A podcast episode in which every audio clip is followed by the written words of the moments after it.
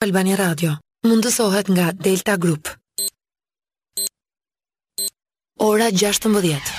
Power FM.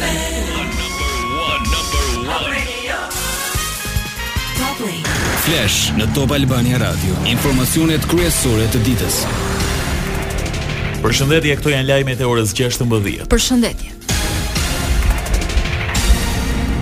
Dy viktima, gjashtëqind e njëzet e tre banesa të pushtuara nga uji e qindra hektarë tokë bujqësore të përmbytura si dhe dhjetëra familje të evakuara. Ky është bilanci më i fundit i pasojave të motit të keq në vend. Shkodra, Lezha dhe Durrësi janë tre qarqet më të prekur, në veçanti zona e Nën Shkodrës, ku u evakuuan rreth pesëdhjetë familje, ndërsa kryebashkiaku Bardh Spahia kërkoi të shpallet gjendja e jashtëzakonshme.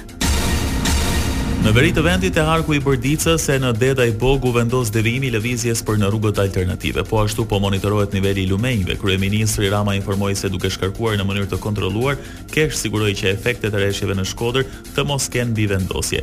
Sipas tij, kjo zhvendosje me disa orë e efektit të lumit Drin, mundësoi uljen e pikut të prurjeve maksimale në zonë, duke ulur nivelin maksimal të ujit. Por reshjet e dendura të shiut bënë që Korporata Elektroenergjetike Shqiptare të hapë kaskadën e Drinit një ditë më parë në pamundësi për të eksportuar energjinë elektrike ndërsa vazhdonte me importin e saj me çmime të larta, pavarësisht përmirësimit të situatës hidrike në vend. Për katërmbëdhjetë orë, KESH vazhdoi të blinte energji nga jashtë me një çmim të lartë, ndërkohë sot ka nisur eksportin me një çmim dy pikë pesë herë më të ulët se çmimi në bursë.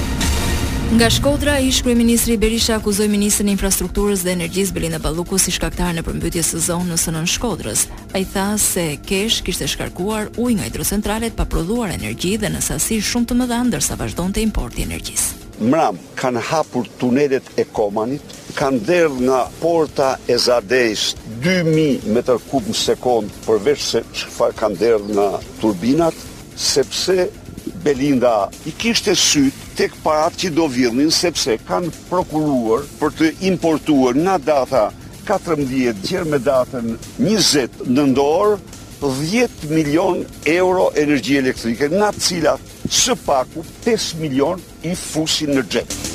Për kreun demokrat Berisha situata u keqmenaxhua me qëllim vjedhjen. Kjo ishte absolutisht e parandalueshme në qoftë se do prodhohej energji dhe do ulej niveli i Komani dhe Vau Dejës dhe energjitë nuk kishte nevojë të blihej, sot po shesin energji me një çmim katër herë më të ulët sesa atë që po blejnë.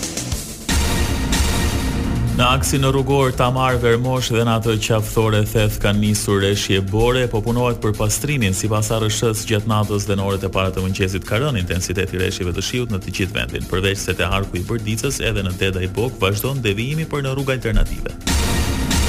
Dyqind e njëzet e tre grupe pune të OSHEE-së janë angazhuar në terren në të gjithë vendin për t'iu përgjigjur avarive dhe ofruar furnizim me energji elektrike në kushtet e motit të keq me stuhi dhe shira të dendur. Reshjet intensive të dyzet e tetë orëve sollën probleme me furnizimin me energji në disa zona të vendit, sidomos në veri.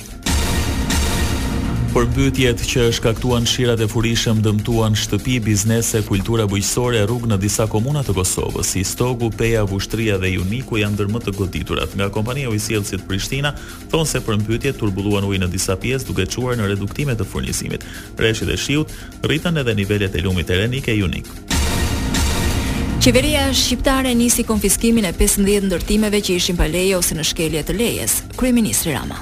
Ndërtimet e konfiskuara do të përdoren për interes publik.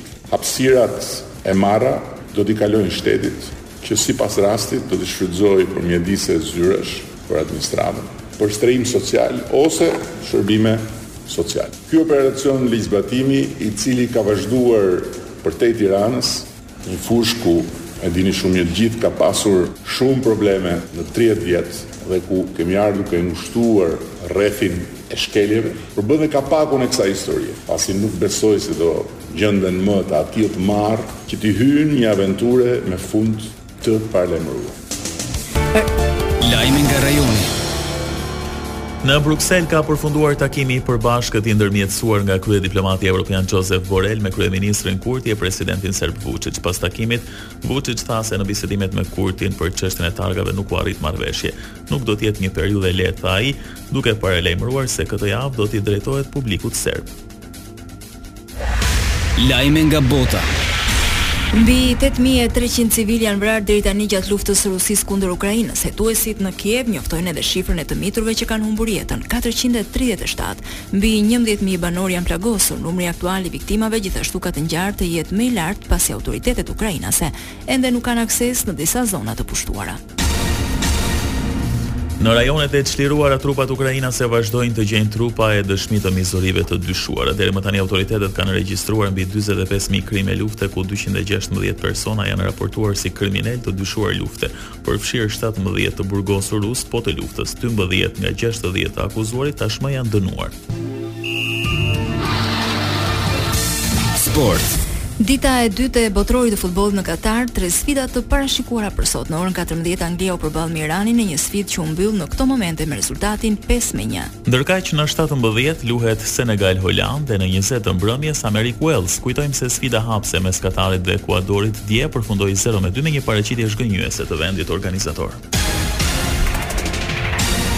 Ndoqët një përmbledhje të lajmeve kryesore të ditës. Edicioni informativ i radhës është në orën 17. Unë jam Ani Bame. Unë jam Edi Hallaçi. Kjo është Top Albania Radio.